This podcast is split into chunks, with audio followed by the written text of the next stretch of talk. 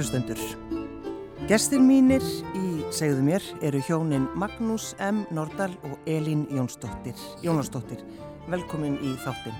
Takk. Hvar kynntist þið? Við kynntumst í MR fyrir aldrei mörgum án síðan, þá bara rétt 18 ára gömul Hva, og, og og höfum verið saman síðan. hvað hva sástu um leið og þurfa að hóruður á hann? Hvað sá ég? Já, þessi, þessi Allavega leist mér svolítið vel á hann. Hann var svolítið sætur. Já, Já, mannst þú Magnús, hvað þú sást hana? Já, ég er alveg nákvæm eftir því. Það, ég sá hana fyrst, þá vorum við í selsferð í þriðja bekki mentó, sko. Þá sá ég hana fyrst, en síðan kynntust við eh, svona fyrst í alvöru, það var á balli í klúpnum. Fjórðabekk held ég. Já, alvöru staður. Já, Mm. Hann mann það betur en þú, hann sagði það var séð í andirinu. Ég laumaðist með þessi til að taka myndafinn upp í selja, sko, sem hún vissi ekki af, sko, sem ég átti svo alltaf. Já, þannig að þú er alveg vitað að þetta, þarna væri eitthvað. Já, hún vakti verulega áhuga minn. Og þú kom, komst frá hvað eilstöðum það ekki? Jú, ég kem frá Egilstöðum og það var náttúrulega engin mentaskóli þar, engin framhaldsskóli. Þannig að ég þurfti að koma söður og svo einhvern veginn að því að ég legði hérna þá endaði með að við fórum að búa mjög snemma saman og, og svo þegar við vorum í háskólan þá vorum við komið með eitt barn semst þegar ég var að læra til kennara, var í kennarháskólan og maggi í lögfræðinni og það var bara, gekk bara ágætlega. Já. Og vissið þið strax sko, hvað þið vildi gera í lífinu? Mm, Nei, það blundaði nú svo sem alltaf í mér bara áhuga á því að það er mjög gaman að því að rökkraða hlutina og hlusta þá rökkannari líka og hafa leifi til þess að hafa einhver aðra skoðanir og mér er mjög illa við það þegar mér er sagt hvaða skoðanir ég á að hafa sko. Já, já. Þannig að lögfræði lág alltaf vel fyrir mér en, en stefnan mín þegar ég var í mentaskóli að vera að klára, hún var ekki svo að fara í lögfræði heldur að fara að læra alltfjóð stjórnmál út í, í Brellandi en svo breyttist það svona nokkur áður heldur en háskólinn byrjaði eftir student og fór í lögfræðina. Já. Þannig að stefnan hefur síðan verið þar sko. Hvað með þig, Elín? Ég, ég var nokkuð ákveðin að vilja fara í kennarháskólan en og svo kendi ég í einn tíu ár en þá breytti ég svolítið um og, og fór að læra sálfræði þannig ég svona bætti aðeins við og breytti en allt saman hefur þetta nýst samt og, og mér finnst í dag að ég hef gert það rétta og kannski verið svo lánsum bara enn þann dag að dag að ég fæ að fást við það sem að ég vil fást við Mm. gera það sem ég vil gera En, en þið verðist bæði vera svona tilbúin í alls konar hlut eins og til dæmis að þú fyrir að uh, í jóka? Já, Að ég, ég er búin að vera í jóka í áratíi og var að kenna hér árum áður og jóka einhvern veginn höfði mjög mikið til mín og ég ger alltaf jóka, það er alltaf með mér. En hvernig er það sko á heimili að hafa sálfræðing og lögfræðing? Er þetta ekki, ekki sko fullkomin blanda? Þetta er frekar held ég að spyrja bönnin okkar að hvað, hvað þeim finnst það? Það er mjög ólíkur hugsunaháttur og ólík viðfónsefni. Já, En samt í grunninn erum við bæði að fást oftast nær við fólk og í lögfræðinni gleyma menn því að tilfinningar eru spila mjög stóra rullu sko og hlutverk lögfræðinsins er ofta að reyna að sjá í gegnum þá móðu til að sjá einhverja lausnir og niðurstöður sko. og það getur verið erfitt. Það getur stundu verið mjög erfitt, hvort sem það er í, í samtölu við einstaklinga eða hvort, er, hvort við erum í kjærasamningum eða hvar við erum, sko. Mm. Það er allt fullt af tilfinningum og gömlum sárendum og einhverju svona sem að, að maður þarf að hafa í huga að eru til staða, sko. Já, já. Og svona, hvað hefur þú svona sérhæft við í tengslum við sálfræðina? Ég, það er svona kannski mest í sambandi við áföll sem ég er að vinna, Mm. hjálpa fólki úrvinnslu eftir áföll.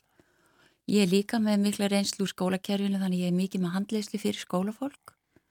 En að- svona áföllin er kannski stóra, stóra máli og ég hef vinni líka fyrir rauðakrossin gegnum tíðina svona til, alltaf af og til bæði hér heim og erlendis og, og komið að semst áfalla hjálpa á ýmsan máta. Þannig það hefur verið svona stór þáttur. En síðan náttúrulega bara vera sálfræðingur á Íslandi þá er maður alltaf að sinna svo mörgu sinna tunglindi kvíða streitu þessu allir saman Hvernig þetta verið fyrir þig þá í, í COVID að, að svona, er, finnst þér eitthvað að hafa breyst hjá okkur? það er alltaf að nóg að gera og minnst fólk vera jafnvel bara meðvitaður um að vilja vinna með sig Já, og svona átta sér betur á svona líðansinni svolítið. Þannig að, að fólk mist bara leita jafnvel meira eftir aðstóð. Það er einhvern veginn svona að reyna að lifa þetta af einhvern veginn. Það er ekki svolítið þannig. Jú, við þurfum reyna allir að einhvern veginn að hugsa hvað, hvað, hvað maður getur gert. Nákvæmlega. Já. En svo líður sumum bara ágætlega í því að það sé svona aðeins lokaðra og, og, og hérna jafnvel upplifa sér geinsmikla kröfur. Þannig ég lendi líki því að heyra það. Já. Maður heyrði mitt oft eh, í kringum jólinn, það voru svolítið svona skemmtilega umræðan það, já, þetta er bara svo fínt, við, það verður engin jólabóð. Já. Nákvæmlega, það er akkurat þetta. Það verður þá enga stóra uppkomur og skandalar og svona, Nei, sko, það já. hjálpar einhverju. Svona minni streyt. ekki stórfjölskyldan að hittast en þið hjón svona hikið einhvern veginn ekki og þegar þið fáið þá hugmynd til dæmis að fara í framhalsnám til Kaupanhafnar, þá er það ekki, þá farið þið bæði eða hvað? Jú, og börnin okkar. Ég fór í kandidatsnám í sálfræðinni og, og Maggi fór líka í nám og breytti alveg og seldi, seldi sinn rekstur og það var bara mjög góður tími fyrir okkur öll og alla fjörskildinu okkar. Og svo komum við heim og byrjum svolítið upp á nýtt. Já, ég held að sé samt sko, ég skilgreini sjálf mig frekar þannig í svona íhalsmaður í eðli mínu. Já, En til þess að geta verið það, að þá er rosalega gott að geta breytt til af og til sko. Og ég hef í rauninni ekki unni við neitt nema að vera reyka lagmastofu og vera svo lögfræðingur allþví sambansins. En til þess að lifa það af að gera þetta, þá þarf maður stundum að brjótast út og taka sér hljefrástörfum, taka sér tvö ár fara til Kaupmannhafnar, fara í ár nýra á Sri Lanka eða, eða breyta til af og til. Já. Að það er svo gott að koma tilbaka og kemur með fullta nýri reynslu og þú endur nýjast í því starfi sem þú ert í. Vegna er svo gott að geta breytt til sko. var fólk eitthvað hissa á því eh, þegar þið farið til Kaupanhafnar lokaður þá bara þinni stofu eða hvað? Já, ég heyrði það bara setna, sko, orðrómurinn hefði verið sá að það hefði eitthvað komið fyrir mig, sko. Það hlýtt að vera, þú veist, ég væri hérna með blómlegan rekstur og Já. sem gekk bara mjög vel og, og, og hérna, Þannig að þannig hefur verið það, hvað, hefði heyrt- hvað kom fyrir hjá Magna? nákvæmlega, sko. Svo hefði ég bara lokað honum og notaði tækifæri rétti, ég var að klára það, sko, til að ná í hæstarétta lögmarsréttindi mín og stoppaði svo. Já, mönnum fannst það vera svona, já, það það er eitthvað, það er eitthvað að. en þetta var bara eðlilegt held ég í þessu samhengi, að skipta um og breyta. Hvernig var að- að búa í, í Danmörku? Það var bara dásanlegt. Það var eitthvað svo svona eins og sagt, Danir svo líklað. Þannig að þetta var mjög góð tími og, og við vorum þetta að læra og vorum að stefna að í einhverju sem líka skiptum máli. Þannig að tímin í Danmörku var bara fín. Ég var svo sem aðal í því að, passa börnin með svona stóran hluta því en fór líka að læra heimsbyggi, réttar heimsbyggi og Európarétt, tók það svona með. Réttar heimsbyggi, Já, er ekki svolítið skemmtilegt? jú, að gefa manni svona nýja dýft á, á hérna lögfræðina. Og var kend alltaf í, og er kend í lagadildinni sko. Þannig Já. er hægt að nota heimsbyggina í, er, Ég heldur betur, þú fannst að þú velti fyrir þér rétt og raungu, réttlætinu, öllum þessum kenningum í kringum, samfélagið, uppbyggingu þess, tilur, dómstóla, nöðsinn þess að við svona fylgjum einhvers konar regluverki og hvaðan allir komið og svona til þess að já. byggjum samfélagi er bara alveg heitlandi, sko. um hvað talið þið þegar þið eru heimi hjá okkur? Hvað tölum við um ekki? Við tölum, mikið, við tölum mikið um hérna, börnin okkar og, og barnabörnin. Barnabörnin er mjög stór svona, þáttur í lífin okkar. Við tökum hlutverk okkar mjög alveglega og við erum alveg afskaflega þakklátt fyrir þau. Þannig ég myndi segja að það verður svolítið stór lítið. Svo tölum við um vinnun okkar og, og bara svona það sem er að gerast í heiminum. Mm. Þannig að svo erum við ofta að lesa eitthvað eða, eða horfa á eitthvað. Mm. Þannig að það er bara svona ímislegt. Það er engin umræður en í bönnu það mest. Nei, Nei. það er engin um að vera bönn. Var Svo er lí- líka gott að vera bara, stundum finnst okkur bara ágætt að vera tvei einn í þögninni Já, og það er góð kvíld í því líka. Förum stundum bara tvei einn í sumabústaða sem að verum bara í, í kvildinni. og segi það bara, það má enginn koma. Það er nú ekki alveg svo leiðis en... Nei, nei. Já, já. En að þú nefndir Sri Lanka, Já. mér langar svo að vita hvað þið voru að gera þar. Já, ég, ef ég byrja, að þá var það bara nokkurn veginn tilviljun, sko, að ég fór þangað, leittist í vinnunni að sömarlegi og fór utanríkisrándi að því að þau skráð með einhvern lista, svona útkallslista. Já. Spurði hvort það væri ekki eitthvað verkefni sem var hægt að senda mér. Ég væri búin að býða hérna bara í, í sex mánuð eftir að væri að tala við mig. og þá var eitthvað í gangi við ráðniti og þessu, já, hyrðu, við erum með starflaust hérna á Sílanga, ert ekki til í að, að hérna, kíkja það, það er svona vopnulegis eftirlit og ég svaraði síma strax, já, jú, mér líst vel á það og ringdi svo í Elinu og fletti upp hvar Sri Lanka væri í heiminum Hvernig var samtalið, Elin? Hva, hvað saðan þauðist? Ég er bara svo, tilbú, svo tilbúin í að hann myndi gera þetta. Ég vissi að hann myndi að hann langaði til að gera þetta. Já. En það var ekkert spurningu mínum huga bara úr því að hann vildi fara og fengi þetta tækifæri. Bara að drífa sig. Já. Og svo leði þetta bara mjög hrætt og ég var komið nýrtir skömmu síðar. Og inn í svona norska missjón, normenn sáum að reyna að koma á, á fríðarsamlingu á milli tamiltíkra og stjórnvalda sem ekki gekk og aldrei gekk en þeir tóku svo að sér þá að passa upp á vopnulíðs, að vopnulíði væri haldið. Og, menn, og varst þú að gera það þá? Já. Eða varst þú partur af því? Já, partur af því. Var semst einna eftirlýsmar honum og var endað á því að stjórna stöði á, á einni stöðinni á, á landamærunum eða á výlínunni, mm. getur við sagt sko. Og þetta stóð bara að passa upp á það, menn var ekki að skjóta hvernig annan yfir výlínuna, reynsuðu færu burt af sínum stöðum og fylgja og rannsaka síðan eða voru kærð vopnalés brot, ja. það gæti verið alls konar brot allt frá mandrápum nýri það að þú skilaðir ekki húsum sem átt að vera og heyran átt að losa og eitthvað svona. Ja. það var mjög fjölbreytt. Þegar ég kom niður þetta þá hugsaði ég með mér rosalega fallegt hérna og bara friðsælt og gott sko. En svo fekk ég nú alveg mína leksíu sko því það er mikið notað og búið að vera borgarastyrjöldan mjög lengi. Mm og þeir eru notuð mikið af ó, svona jarðsprengju sem búið að banna, sem er að meira litið til úr tré og það eru grafna niður. En svo kemur monsúregningin og þá fyrir allt á flót á þessari eigu og þetta er allt úr sandi og þá fljóta þessar sprengjur upp. Þannig að það eru út um, út um allt. Þannig að það virkar sprengjur þannig að maður þurft að passa sig á þessu. En hættan af fólkinu, ég upplýði það aldrei, vil þó maður lendi í erfiðum aðstæðum þar sem að voru alveg opnaða sveitir hvora móti öðrum líkur við sko. Ég upplýði mig aldrei ég upplýði aldrei að vera hrættur Þetta er eitthvað svona uh, hann, hann er svona æmi leittist svo í vinnunni og allt ínum komin til sílanka en, en Elin, hvað gerur þú? Svo bara gerist það að það var þarna jarskjálti og flóðbylgja tsunami í Suðustur Asju Já. og ég fór semst á vegum já ég reyndar var í heimsokk hjá Magga akkurat þegar þetta gerist og bönnin okkar voru á leiðinni þegar flóðbylgjan uh, kom. Og hérna hann er að fríi sem við ætlum að fara í saman breytist nú alls mikið. Og svo eftir kom ég heim en var bara komið nokkrum dögum setna aftur á vegum danska rauðakrossins og alþjóða rauðakrossins með stuðningi íslenska rauðakrossins að vinna á Sri Lanka til þess að hérna, koma og fóta áfalla hjálp fyrir fólki sem hafi lent náttúrulega í, í því að ég mista að missa heimili sín og, og missa fjölskyldum meðli mig og fólk sem var í flótamannabúðum og þarna var ég í, ég man ekki alveg 6-8 mánuði, fór svo reyndar aftur setna, á þessum tíma var ég að vinna fyrir Hafnarfjörðabæ og sem sálfræðingur og fekk Hafnarfjörðabær sem sagt gaf mér leifi til að fara allan þennan tíma og, og koma svo bara aftur. Þannig að það var, ég er mjög þakklátt til það Þannig þeir lögðu voga loðarskána með að, að aðstóða í heiminum.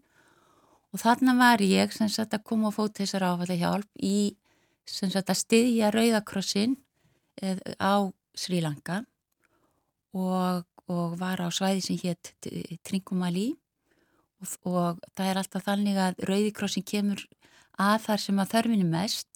Þannig að þó að veri hann að fullt af öðrum samtökum að vinna þá lendu við í því að fara alltaf sem var lengst í burtu, flottáfanbúðan sem var lengst í burtu og þar sem í rauninni fólkið átti að mínum að þetta er mjög erfiðast. Og þetta var í litlu smáþorpin sem bara þurkuðist út, fiskimannaþorpin sem bara þurkuðist út, út. Og þetta var líka svæðum Tamíla þar sem að, sem að náttúrulega áttu undir hérna voru náttúrulega minni hluta og, og áttu mjög erfitt á Sri Lanka Þannig að það reyndi ofta á í þessu starfi en var um leið mjög gefand að fá að leggja eitthvað mörgum í þessu starfi. En þið voruð ekki á sama stað? Nei, nei, við vorum akkurat á sitt kon megin og eiginni. Ég var, ég var hinu megin sérst í, í Mannar sem Já. likur innlandsmegin og Elín er, var niður í Tringomali og, og ég var nokkra klukkutíma að fikra með eftir sundur sprengtum gamlum þjóðvegi eftir vopnælislínunni til að koma í heimsókn eða skrappi yfir þannig að við vorum alveg á sitt górum endan en hittumst samt já, sko. já, við náðum að hittast nokkrum sinnum sem var svolítið skemmtilegt. Þetta er ótrúleg saga. en það er ímislegt sem væri hægt að segja frá þessu en kannski ekki endilega tími núni í það allt saman.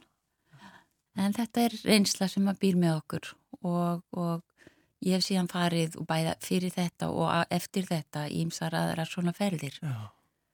En ég held að þetta gefi manni líka, eins og ég sagði á að, að gefi manni inn í starfi sem maður er svo að fara tilbaka, þegar maður kemur tilbaka, þá kemur maður með sko reynslu sem að engi getur tekið að mann og skila sér inn í störfum hans á allan handamátt. Já.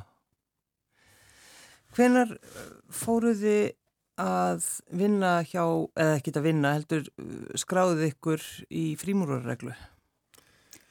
Það gerðist, við gengum inn í regluna árið 1991 og það var svona tilvílun að ég heyrði af þess að ég hef ekki hugmynd um þessa reglu. Það var góð kona Anna Herskin sem sagði mér frá reglunni og einhverja hluta vegna þá hefði það mikið til mín að mér langaði til þess að gangi þessa reglu og ég einhvern veginn bara fann að þetta var eitthvað sem ég vildi gera. Og eftir að ég hafði sagt, við hefum rætt þetta við Maggi þá hvað við bæði að sækjum og vorum vikðinn Já. 91. Og þetta er sko, þetta er alþjóðleg frímúrarregla Karla Kvenna. Já. Og við skjótum alltaf við Ludói menn sem er á fransku og þýðir mannréttindi og Mannréttindi. það er hluti af heiti reglunar. Já. Aðeins að að sögunni. Með hana, Já, bara hvenar er þetta stofnað? hún er stofnun hér á Íslandi 1921 en er eldri í, í Fraklandi og er eiginlega, kemur þannig til að það eru það er starfandi stúka í París sem hétt Frjálsir hugsuður Frjálsir hugsuðir? Frjálsir hugsuður, mjög fallet nafn sko, Libre Penseur Já. og þar voru semst bara kallar en þá á sama tíma í lok 19. aldar var uppi merkileg kona sem hétt Maria de Rem og er einn af frumkvöðlum og mikil baráttu kona í kvenréttindum í Fraklandi og nýtur mikilar virðingar í Fraklandi verið götur heitt eftir henni og það eru stýttur af henni í París og svo framvegs og þessir ágættu kallar í Libre Pensur sem að sumir hverju þekktu til Maríu, þeim fannst þetta alveg fáranlegt, það væri bara kallar í þessari frímórureglu. Ef ákvað þeir hafa verið... Já, svona- þeir voru frjálsir hugsuðir, Já, þannig að þeir tóku sér til og vígðu Maríu inn hjá sér. Og það allir nú ekki neitt sérstakri káttinu en svo leiði ekki nema stuttur tími þar til að hún ásamt með, með líka þekktum franskum svona borgarstjóðnamanni, Sjólfsmarta að þau stopnuðu sagt sérstakka reglu þar sem að var opið fyrir körlum og konum og öllum trúabröðum og, og, og bara mjög opinn og frjálsleg og, og tók upp þetta inn í heiti sitt, mannréttindi.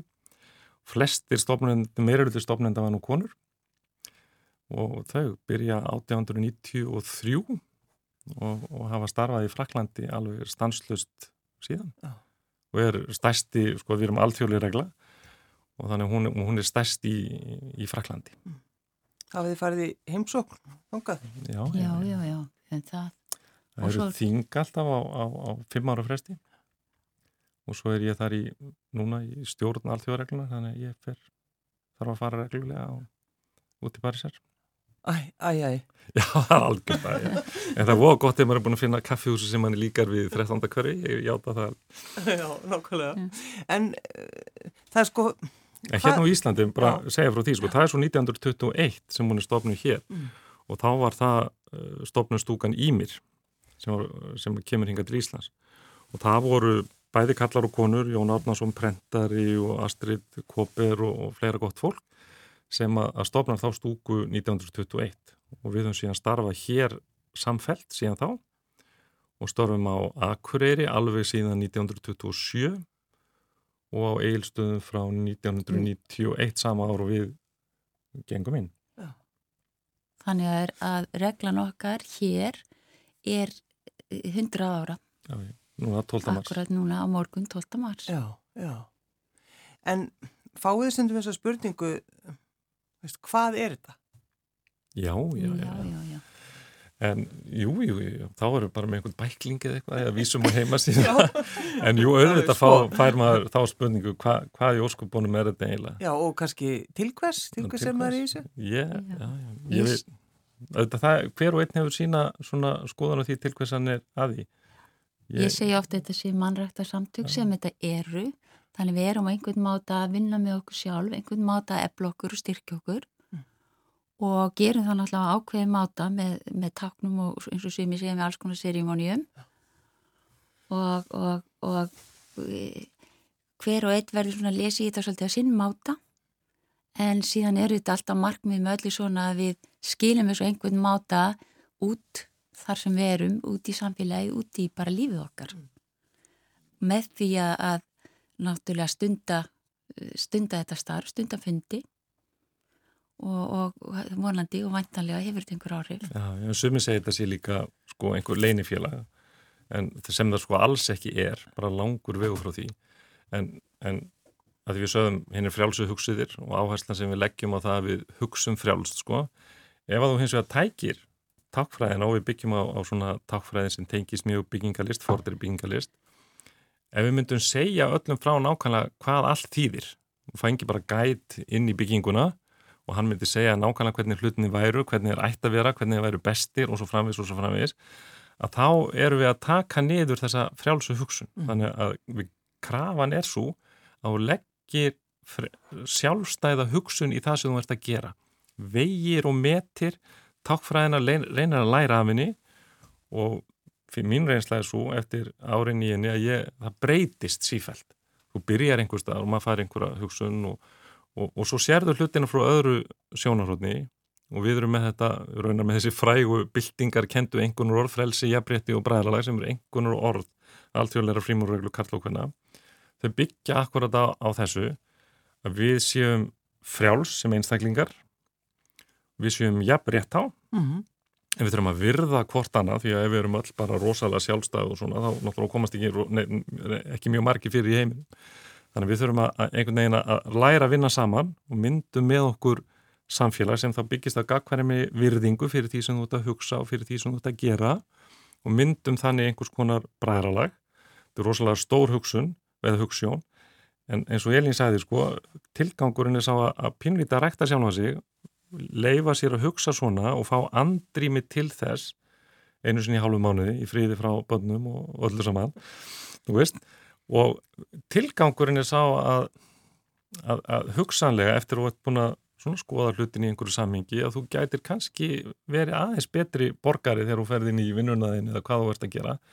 Eins og þú ert að knýr þig til að sjá hlutina í ákveðnum samhengi. Mm. og það finnst mér óskaplega verðmætt í mm. þessu en þarna leggur bara hver og eitt sitt í Sumir gera öruglega leggja mikið í það og lafa mikið ná og svo pæli í þessu alveg rosalega djúft. Aðrir minna að skiptir engum máli. Þú hefur fullt frelsi til þess sem þú ert að gera í þessu sambandi. Að því hún nefnir sko serimónir, það er svona eitt af því sem að fólk svona er, ef að segja, spennt fyrir. Þú veist, hvað er það sem þið gerið?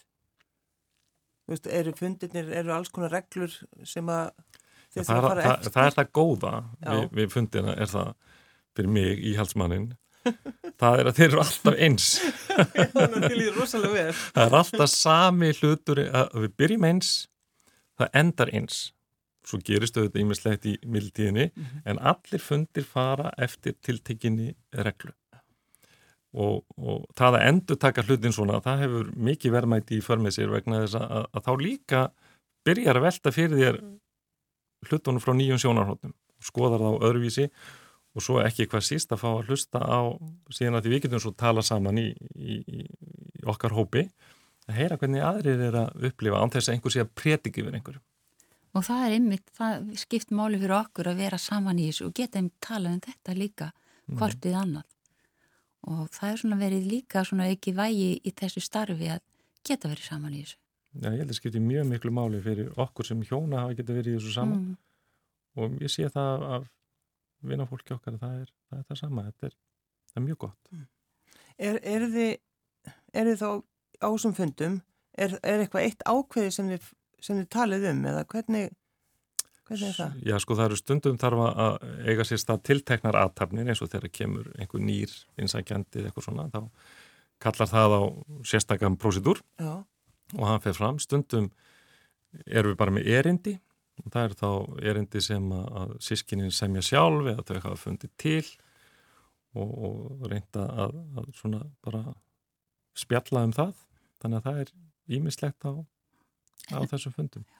En alltaf ferum við samt í gegnum svona ákveði rítval Já. mm. uppaf og enda sem að svona, já, og endum á því að setjast niður svo í stuttastund eftir fundi og drekka sama kaffi og, og bara spjalla. Mm. Þannig að það er svona félagskapur í því líka, samkend. Þið talið um sískinni. Já, við talum... Frelsi jafnreyti bræðralag. Já, já, við erum sískinni, við getum sagt það. Við tölum um sískinni. En þegar þið hafi farið til næmis eins og til Parísar Já. og farið að, megið þið þá fara og fundi þar? Já, við megum það. Við megum heimsækja sem sagt, við erum í hvað, held ég, við erum í hvað, á þriðja tögur landa sem við störfum, sko. Og við getum farið og fundi hvar sem er. Við þurfum auðvitað að geta sannað okkur og, og til þess eigum við bara vegabrif og ákveðna aðra hluti til þess að, að geta tryggt okkur aðkomi, það er okkur heimilt, já. Mm. Sumstæðir eru með þessi að frímúrara eins og frímúrarreglum í Íslandi sem er algjörlega sjálfstæð stofnun en á sér kem líkar út um allan heim sko. Sumar þeirra hafa verið að opna sig og segja bara nei, við skulum bara hætta þessu eins og, eins og hérna þeir gerðu frjálsu hugsuðunir í París á 19. öll sko. Þannig að það hefur verið að opna svona meira á, á, á milli. Mm Eh, Þannig að við getum heimsótt það sem við viljum. Við höfum nú ekki verið dugli við þetta. Við höfum verið hins vegar á svona þessum stærri samkomum út í, út í París. Og ég hef farið á þessa reglulegu fundi og þá er það, þá eru það eins og við kollum siðrænir fundi líka. Og það er í nokkur skipti á hverju ári. Já. Og auðvitað til þess að þessi, þetta starf geti farið fram tíðir það einhverju þurfa að þjóna og, og við þurfum að sinna eins og störfum líka. Og það er til dæmis eins og, eins og, og Maggi er núna þar í, í miklu starfi, mjög miklu starfi núna akkurat þessi árin.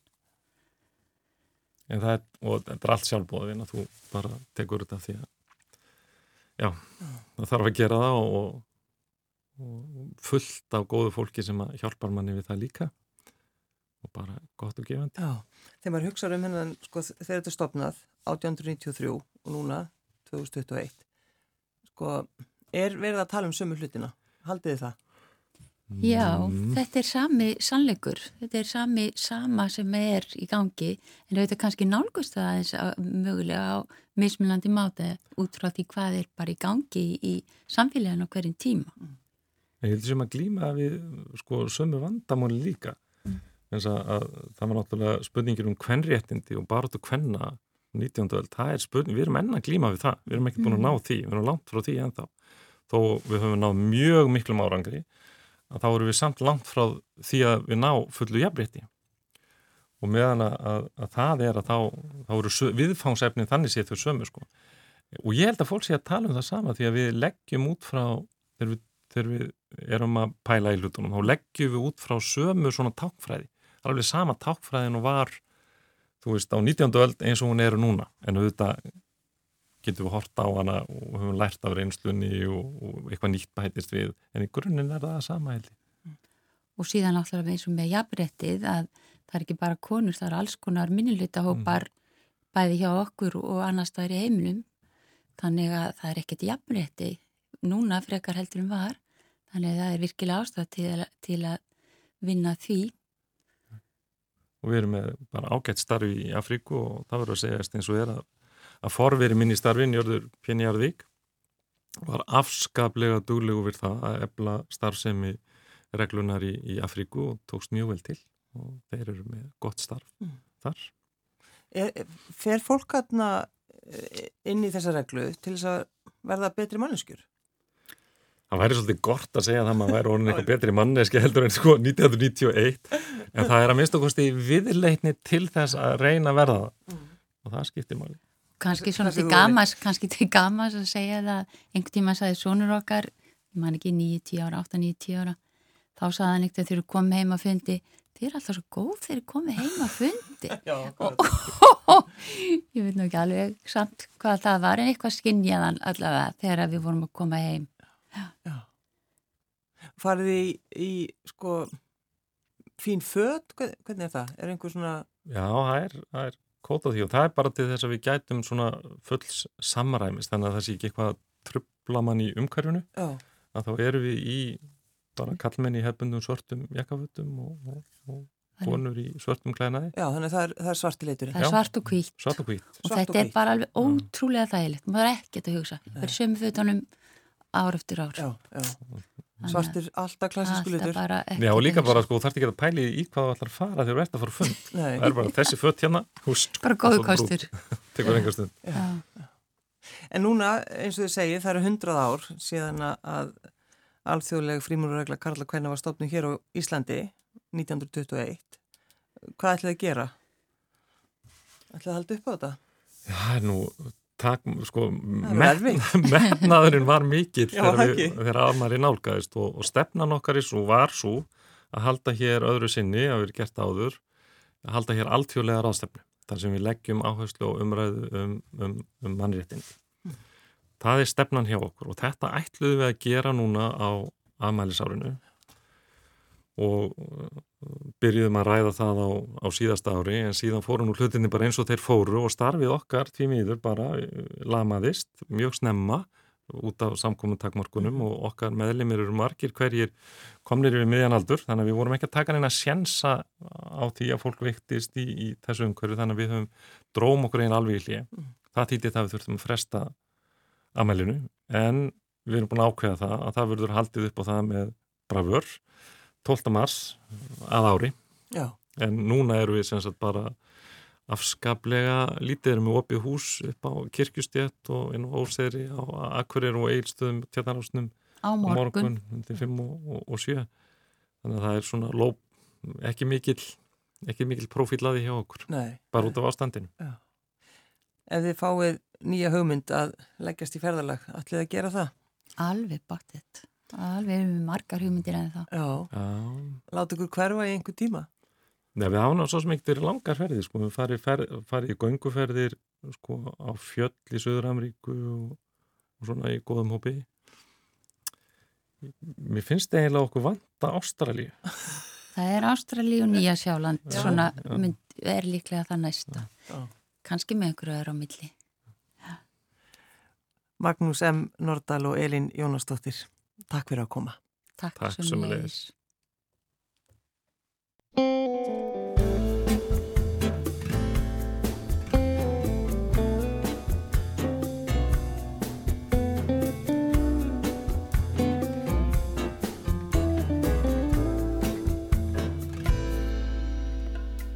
Mystery the moon,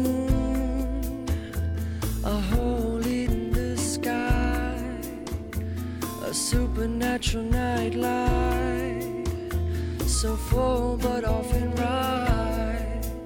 A pair of eyes, a closing one, a chosen child of golden sun. A marble dog that chases cars to farthest reaches of the beach and far beyond into the swimming sea of stars.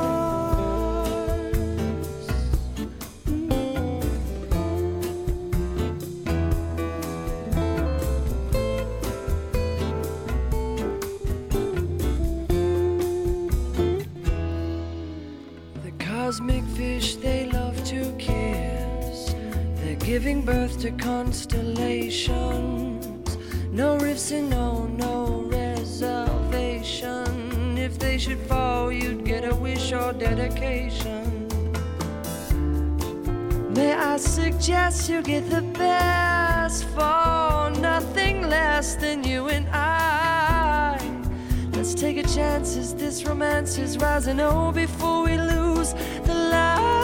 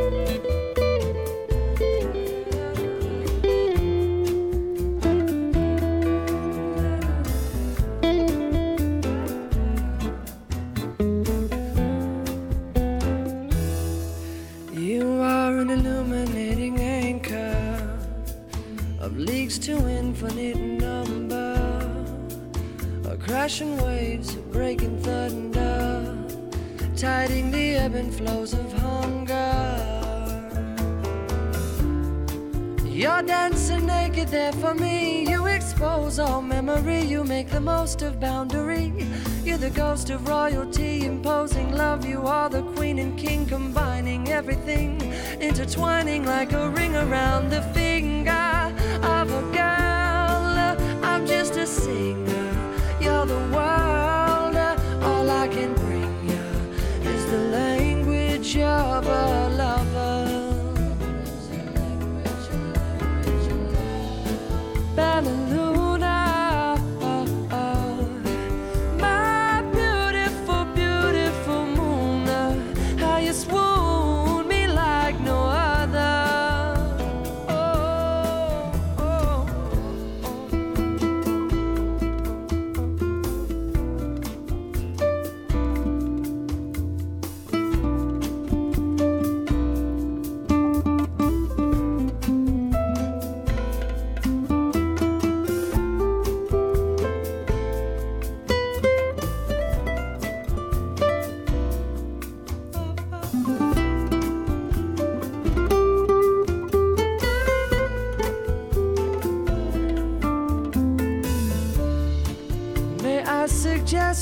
the best of your wish. May I insist at no contest for little you or smaller I. A larger chance at what all there may lie on the rise, on the brink of our lives. Bella, please, Bella, you.